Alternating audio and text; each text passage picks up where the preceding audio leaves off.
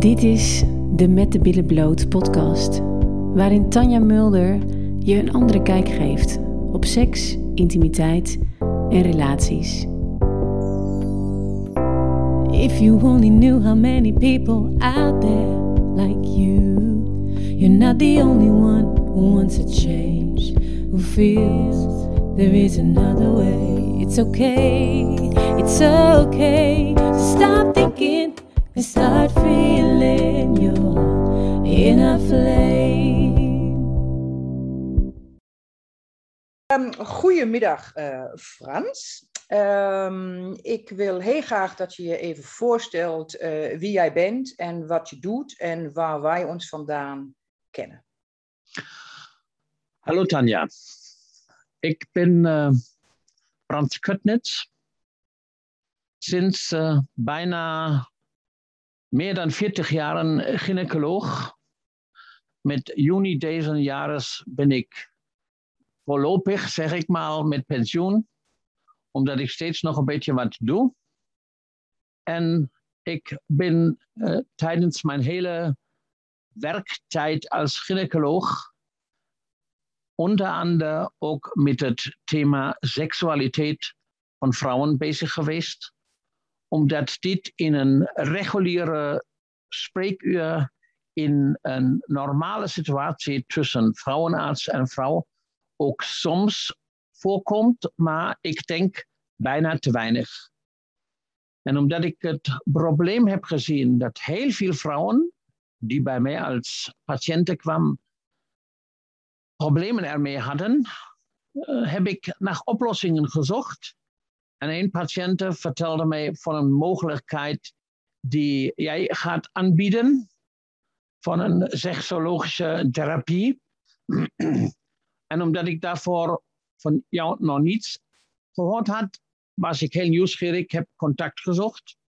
En wij zijn met elkaar in het gesprek gekomen.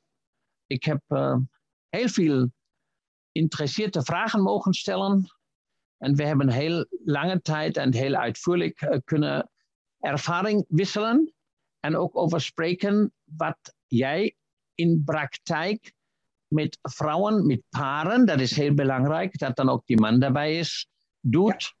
Om hen van seksuele problemen of seksuele vragen uh, uh, in, in, in, in het oplossen van zulke vragen te kunnen helpen. Ja, dat klopt. Dat klopt. Wat is jouw um, ervaring als uh, gynaecoloog um, rondom het thema problemen bij vrouwen in de seksualiteit? Wat, wat kom jij in je 40 jaar, wat is eigenlijk wat je het meest tegenkomt? Mag ik daar een klein stukje nog verder gaan? Zeker. Er zijn vragen die überhaupt geen probleem zijn voor vrouwen. Bijvoorbeeld bloedingstoornissen. Of ze hebben ergens iets uh, in hun borsten getast. Of uh, um, hebben klachten over buikpijn. Maar er zijn ook bepaalde vragen die bijna nooit van vrouwen zelf op uh, die tafel in het gesprek komen. Ja. En dat zijn vrouwen die niet kunnen praten over incontinentie, urineincontinentie ja. en ook incontinentie van ontlasting. Dat is natuurlijk ja. vreselijk. Ja. En een derde, dat is die vraag van seksualiteit. Van het seksuele leven, van het seksuele leven in een uh, partnerschap, waar zij het heel moeilijk vinden om erover te praten, omdat ze dat als heel intiem vinden. Ja. En het vraagt van mij als uh, gynaecoloog heel veel, hoe zal ik dat zeggen, uh, gevoel en empathie. Ja. Wanneer ik bemerk dat er dit themata zijn, welke die vrouwen wel besef houden, mm -hmm. maar waar ze niet willen zo vrij of niet kunnen zo vrij, zeg maar beter, ja. zo over praten. Ja. En uh, dat zijn die themata. En een heel belangrijke even, ik zei het net, is die seksualiteit. Ja, precies. Maar wat als jij, ehm, heb jij ook dat je veel klachten uh, uh, tegenkomt waar jij eigenlijk weet dat dat misschien ook vanuit ehm, de seks voort kan komen? Door het niet loslaten van vrouwen, niet voldoende opgewonden zijn van vrouwen. Zijn dat dingen die jij als in jouw ervaring in alle jaren, um, nou ja, toch vaker ziet? Ja, dat heb ik nu net nog niet zo heel goed duidelijk gemaakt. Naar mijn ervaring is het zo dat heel veel vrouwen met klachten naar die gynaecoloog komen. Ja. Waar ze verwachten dat die gynaecoloog een organische verklaring ervoor vindt. Ja. Dat er bijvoorbeeld ergens iets binnen de scheten is wat er niet goed is, omdat ze pijn tijdens het vrijen hebben of dat er ergens iets anders is ja. met hun eierstokken of wat. En achter deze vragen zit eigenlijk niet die vraag naar eierstok en scheten. Ja. Achter deze vragen zit eigenlijk dan het probleem dat er iets met hun seksuele, seksuele belevenis op de ene kant en hun seksuele leven in een partnerschap ja. misgaat. Ja. Dus het wordt steeds uh, een andere klacht genomen om duidelijk te maken dat het probleem toch wel op seksuele kant zit. Maar dat kan je dan als vrouw blijkbaar niet zo even open uh, in woorden geven. Ja, precies. En dus ze zoeken eigenlijk, dus ze hebben eigenlijk bijvoorbeeld pijn tijdens het vrije.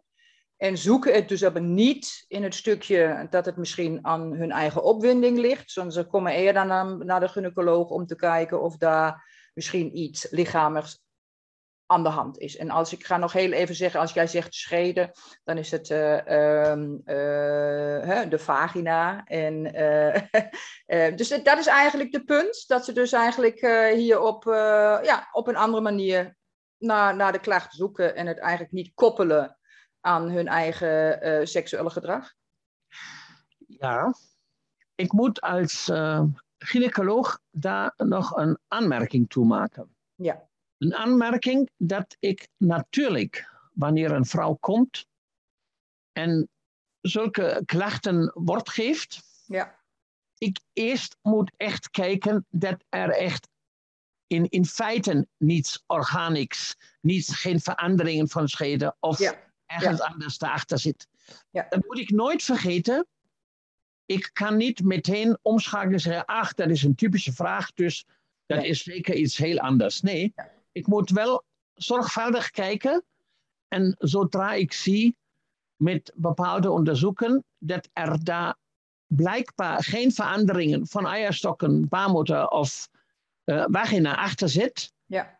en die klachten blijven bestaan, dat ik dan zelf ook het gevoel zeker moet hebben. Ik ga die vrouw nu aanspreken erop dat er misschien toch iets anders spreekt dan in dit geval seksuele klachten achter dit hele naar die dokter toe gaan zit. Ja, en wat is jouw ervaring als je dat gesprek aangaat? Moet je natuurlijk aangaan, omdat je ziet dat er lichamelijk, zoals ik het nu begrijp, verder niks aan de hand is. Hè? En dan is dus de tweede conclusie, oké, dan is er waarschijnlijk iets met hoe je bedrijven de seks en, en, en, en ben je voldoende opgewonden. Dat is natuurlijk de conclusie die we dan kunnen trekken. Maar hoe, hoe, hoe, als je dan het gesprek met een vrouw aangaat hierover, um, wat, is, wat, wat, wat is je ervaring, um, wat er dan misschien wel aan de hand is bij ze, als ze dat durven, ja, toch misschien loskomen en erover durven te praten? Ja, ook daar moet ik van mij persoonlijk zeggen dat ik een opleiding voor psychotherapie ook heb.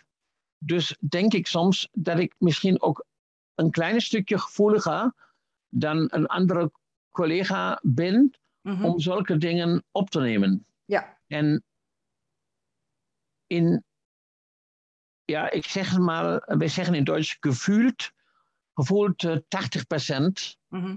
ähm, zijn er klachten van vrouwen achter äh, die daar naartoe gaan dat ze zich niet meer opgewonden voelen, zoals vroeger, meestal wanneer ze van een, een beetje uh, boven de 30 zitten of boven de 40 zitten, niet meer opgewonden voelen, wel van hun partner houden, maar het lastig vinden toch weer af en toe met hun partner intiem te worden.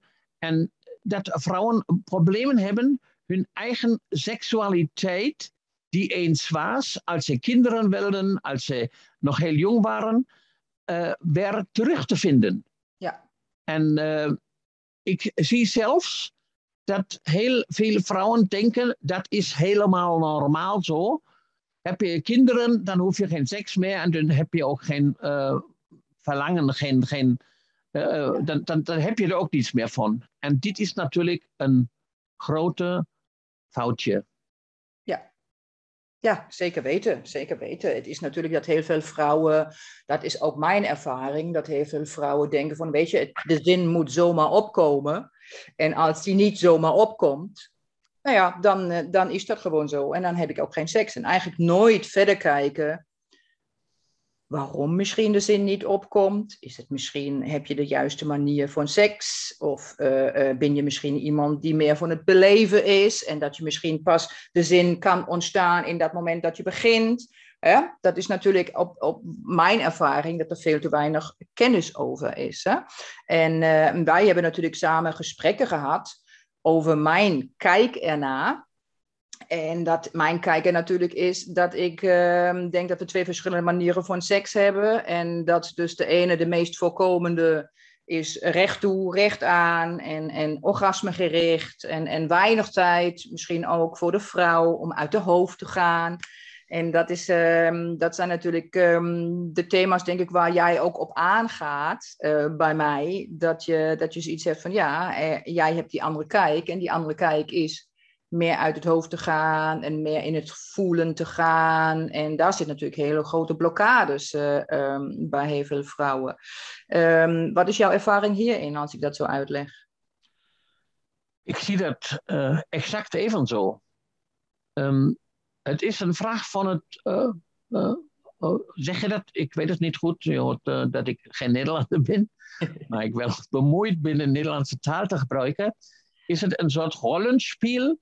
Ja. Een, een rol, roleplay, ja. ja, ja, roleplay. Ja. Dat, dat vrouwen nog steeds zien, oké, okay, ik heb een uh, fijne, aardige, lieve partner. Ik heb uh, twee of drie kinderen. Uh, ik ga die kinderen opvoeden. Ik ga zelf nog aan het werk, of ben niet aan het werk, maar doe het huishouding heel fijn en aardig. Maar ze denken niet aan zichzelf. Ze denken er niet aan dat voor hunzelf het belevenis van een, ik benoem het maar zo, een goede seks, ja. een goede relatie op seksuele gebieden, ja. dat dat iets is wat ze mogen hebben. Ja. Uh, het probleem is, zo zie ik dat na mijn heel lange tijd in uh, dit beroep, dat mannen, en nu komt ook natuurlijk die man met een speel, ja mannen dat in gevoeld zeker 98% bijna niet kunnen begrijpen wat met hun vrouwen is. Ja. Mannen functioneren op grond van hun mannelijke hormonen mm-hmm. heel anders. Er zijn genoeg uh, uh, grappen en genoeg uh, comedia's over het gedrag van man en vrouw wat betreft seksualiteit en partnerschap. Ja. Maar dit is ook iets, waarom lachen die mensen daarover? Omdat ze dat herkennen, dat dat een stuk van hun eigen leven is. Ja. Van hun eigen beleven van zulke situaties. Ja. En daarom is het heel noodzakelijk voor mij, en dat vond ik zo fijn aan jouw eigen initiatief, aan jouw eigen therapievorm, dat het zelfsprekend moet zijn dat van begin aan een man bij een zulke therapie, bij een zulke interventie van seksualiteit moet zijn. Ik kan het in mijn dagelijkse, of kon het, ik ben ja nog niet meer actief, in mijn dagelijkse praktijk uh, niet zoveel tijd vrijmaken. Maar ik heb het wel geprobeerd, tenminste één afspraak met patiënten en echtgenoot of partner samen te maken. Ja. Om ook die partner duidelijk te maken dat het niet een probleem van tekort aan seksuele opgewondenheid van zijn vrouw is, maar dat het ook een probleem van hem is, dit niet goed te zien en geen moeite, dat is niet alleen als kritiek bedoeld, maar Ja, ook ja. van kennis her, Ja, dat hij moeite moet doen om daar ook met zijn vrouw op een andere niveau te komen wat seksuele beleving betekent. ja, ja, ja, precies. precies. En dat is, dat is het stukje waar wij, waar wij ons ook eens waren dat er vaak ehm, daar ook helemaal niet naar gekeken wordt. Hè? En dat is, eh, ehm, en weet je, en het is natuurlijk altijd een kip-ei verhaal. En dat is wat ik ook altijd zeg. Van ja, weet je, wie is er be- begonnen om, ehm, om. Kijk, wij vrouwen kunnen wat ervan om in het hoofd te zitten. En als je natuurlijk als man eh, wel probeert om, om je vrouw op te winden en er komen niet zoveel reacties eh, vandaan, ja, weet je, dan is het natuurlijk ook dat, dat misschien de ene gever die wel een gever was, op een gegeven moment een, een nemer is, omdat hij dan denkt, ja, weet je wat, laat me maar aan mijn eigen trekken komen. Hè? Dat, dat is natuurlijk een beeld, maar ook de hele westerse maatschappij, die eigenlijk een, een, een man laat zien via porno, Ehm, ehm, wat, wat een vrouw dus schijnbaar nodig heeft en leuk vindt, is natuurlijk eh, waar de hele, hele maatschappij mee opgroeit. Ehm, en, en ook vroeger, denk ik, werd er helemaal niet over gesproken, dat een vrouw volledig anders functioneert in de, in de meeste gevallen. Hè. Je hebt natuurlijk wel ook vrouwen, dat zeg ik altijd, eh, twee, drie max van de tien die wel heel snel aangaan en dezelfde seksualiteit dan heel veel mannen hebben. Maar dat ze uiteindelijk uh, toch een volledig andere manier van, van beleving hebben. En dat we daar dus eigenlijk zo weinig over weten. En waar gaat het over?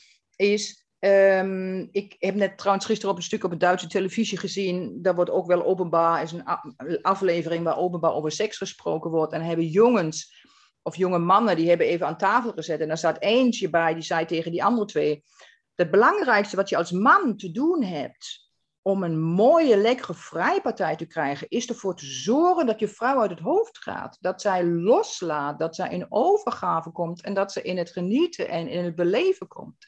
En daar is precies dit stukje waar te weinig kennis over is.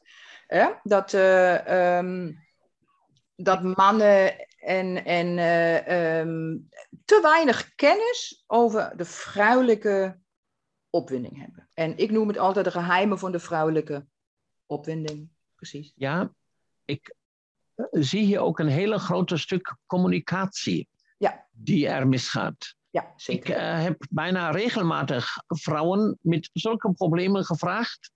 Heb je eens vroeger, als je met uw man nog bezig was om kinderen te krijgen, als je ook zonder kinderen te willen krijgen, seks heeft gehad, heeft u eens uh, echt duidelijk en uitvoerig met uh, jouw man gesproken wat jij lekker vindt en wat jij niet lekker vindt. Ja. Of heb je dat aan hem overgelaten? Ja, precies. Ja. En ook daar kan ik geen cijfers leveren, alleen dat wat ik weet en wat ik uh, ervaren heb.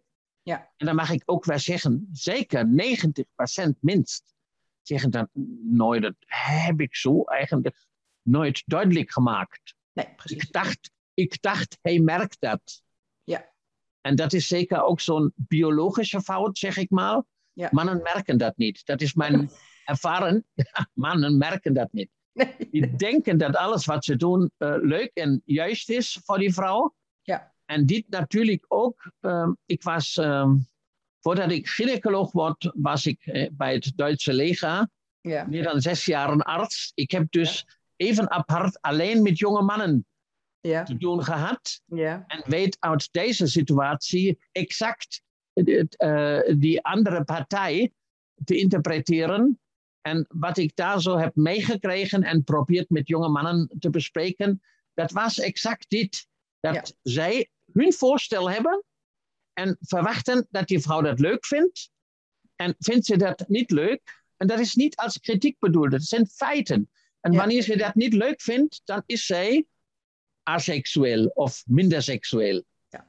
En Ja. daar denk ik moet in deze, deze hele traject moet ook, behalve dat vrouwen moeten leren hun uh, wensen, hun, hun gevoelen plaats te laten en te leren hun hoofd vrij te krijgen, alleen voor seksualiteit, moet ook bij die mannen een verandering wat het denken over seksualiteit betreft uh, plaatsvinden, die er echt ook ziet dat het alleen een gezamenlijke belevenis is en niet alleen erop eruit loopt dat die man een orgasme krijgt. Ja, precies.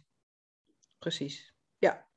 Ja, maar dat is, dat, dat, kijk, en dat is natuurlijk waar jij ook, um, ik denk in jouw jarenlange ervaring, jij bent denk ik zover ik weet, ben jij denk ik ook op seminaren en zo gegaan, hè? Ook, ook lezingen hè? Over, over seksualiteit? Ja, natuurlijk. Um, dat hoort, omdat ik dat ook voor heel belangrijk vond voor die gezondheid van een vrouw. Ja. Voor, het, voor een gezonde beleven, geestelijk en lichamelijk, hoort ook zeker een gezonde seksualiteit met een partner. Ja. En uh, ik heb me daar natuurlijk ook bezig mee gehouden. Ja. En ik kan zeggen, in die laatste, ik ben nu bijna 40 jaar in dit beroep geweest, of een beetje meer sogar. Ja. Dat in die laatste 10, 15 jaren wordt op congressen steeds meer uh, seksualiteit der Frau, seksualiteit ja. van vrouwen op congressen als thema of ook als bijscholing aangeboden. Ja. En het wordt steeds voller op zulke seminaren, op zulke voordrachten, omdat ik zie het even als een positieve aspect, toch meer kennis en meer openheid voor dit thema komt. Ja. Op zich heeft iedere uh, gynaecoloog een vrouw bij iedere bezoek te vragen hoe het met haar seksualiteit bestaat. Ja. Ja, ik snap, ik snap wat jij zegt. Uh, uh, alleen, dan zou je ook weer in dat stuk um, maar ik ga heel even terug op die seminaren. Ik ga heel even terug op de seminaren. Daar hebben we het natuurlijk eerder ook al over gehad. En jij hebt hier ook, je hebt een, een, een, een, een kijk vanuit de wetenschap over de vrouwelijke opwinding, over de vrouwelijke seksualiteit, wat gewoon uit boeken komt. En uh, daar, daar kan ook een volledig andere kijk op zijn, wat je ook mee hebt gemaakt, dan misschien mijn kijk, die je ook weet. Ja? Wat, heb, wat is je ervaring hierin? Uh, hoe ver zijn deze, um, als daar informatie over komt, uh, uh, wat, je, wat op seminaren gedeeld wordt enzovoort. Wat is je ervaring? Zitten we daar nog heel erg ouderwets te kijken naar de vrouwelijke opwinding? Of gaat het um, ook meer naar de kijk vanuit het hoofd, vanuit het voelen, vanuit de verschillen? Wat is jouw ervaring daarop?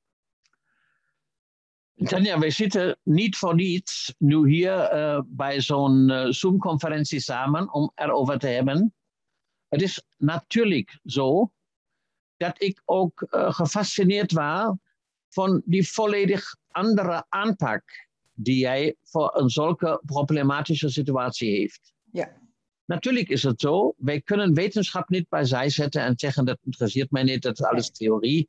Dat kan niet. Nee. En ik blijf er daarbij dat ik het persoonlijk positief vind dat überhaupt er op congressen, op normale gynaecologische congressen erover gesproken wordt. Wat ja. er twintig jaar geleden nog niet zo was. Nee, precies. Maar ik zie natuurlijk dat uh, je een zulke probleem niet alleen met boeken lezen of met voorlezingen kan oplossen. Nee. Je moet een praktische aspect inbrengen.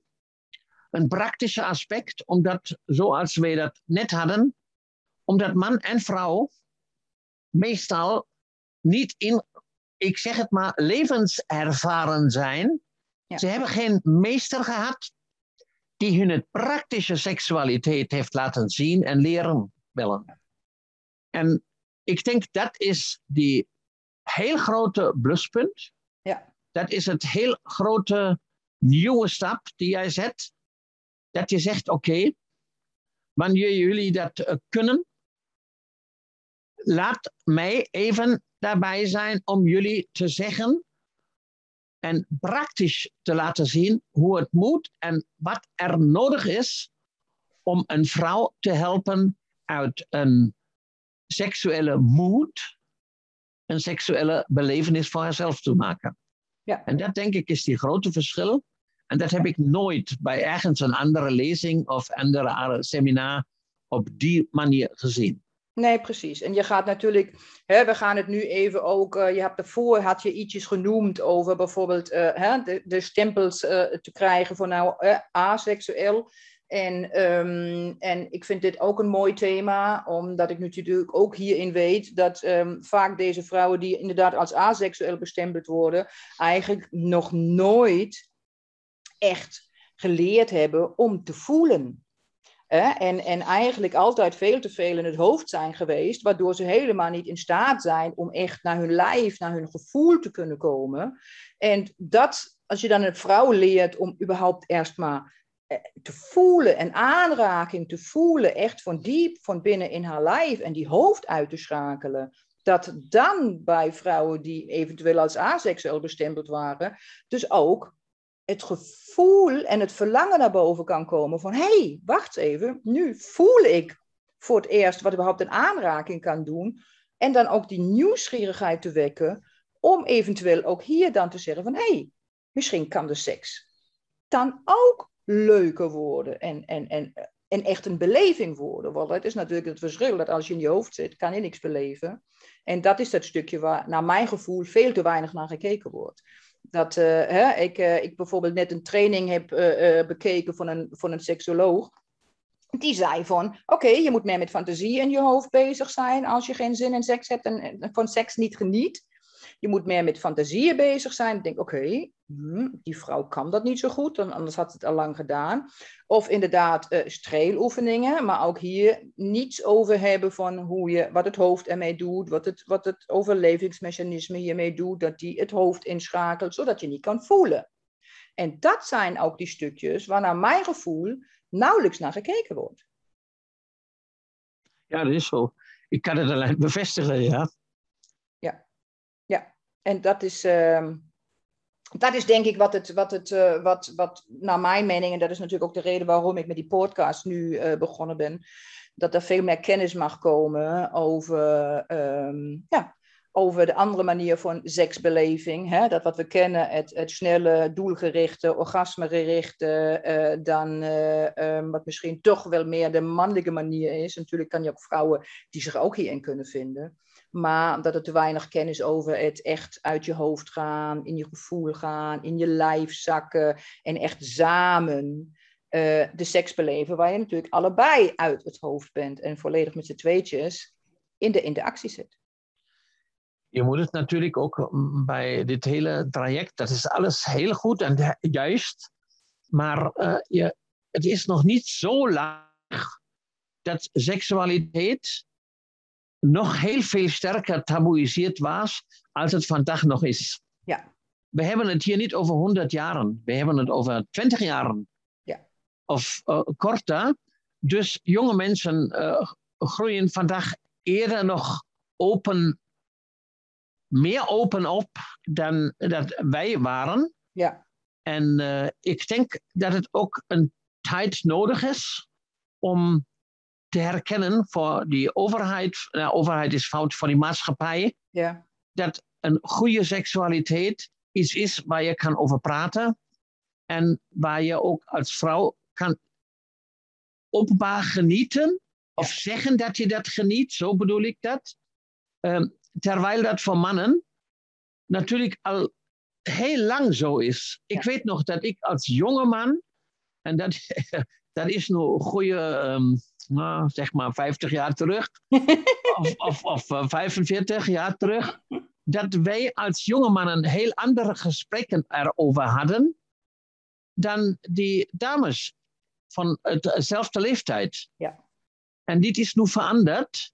En deze verandering in de maatschappij, die kan ook gebruikt worden. En uh, ik hoop dat een zulke podcast ook een nut heeft voor mensen die er daarmee bezig zijn, omdat ze blijkbaar toch wel partnerschapproblemen hebben. Ja. En dat is overigens ook nog een aanmerking uit mijn ervaring als gynaecoloog. Ja. Dat heel veel uh, partnerschapproblemen en ook scheidingen zelfs misgaan op grond van seksuele problemen. Ja. En gedachte, niet oplosbaarheid, terwijl een oplosbaarheid ook volgens manier van, van jou bijvoorbeeld Ja. mogelijk heeft kunnen zijn. Ja. Maar ze niemand wisten en ze ook zelf niet wisten dat er überhaupt zulke mogelijkheden bestaan. Ja, precies. Ja, dat is het ook. Nou, En dan zit een vrouw voor mij, van welke leeftijd ook, of dat nu eh, 35, 38 of ook eh, 58 of 65 is, die zegt: Ik heb daar zo problemen met mijn seksualiteit, maar ik hou van mijn man. Ik Ja. weet ook dat hij, eh, dat hij het nodig heeft, laat het mij zo zeggen, ja, maar ik heb daar zo moeite mee. ja, En dat deze vrouwen bijna opgelucht zijn wanneer je kan zeggen: Oké, je, je wil iets daarvoor doen en je kan ook iets daarvoor doen. Ja. En je moet ook even zelf zien, zonder dat je zelf, en ik gebruik nu echt dat harde woord, dat je jezelf moet verkrachten, ja, alleen om je partnerschap te houden. Nee, het kan zelfs zo veranderen dat je daarvan een baat heeft, een, een leuke iets vindt, ja. wat je tot nu toe niet om. hebt kunnen vinden. Ja, daar gaat het om. Daar gaat het om. En daar zit heel veel ellende. Dat klopt. Dat is hoe ik het ook ervaar. Nou, top. Frans, ik wil je heel erg bedanken voor dit gesprek. Ik denk dat het heel erg waardevol eh, eh, voor de een of ander kan zijn. En zeker vanuit jouw expertise. Dankjewel voor het luisteren. En ken je mensen die baat hebben bij deze podcast? Deel deze dan met hen. Zo maken we de wereld samen een stukje mooier. En wil je meer van dit? Abonneer dan op mijn kanaal. If you only knew how many people out there like you. You're not the only one who wants a change, who feels there is another way. It's okay, it's okay to stop thinking and start feeling your inner flame.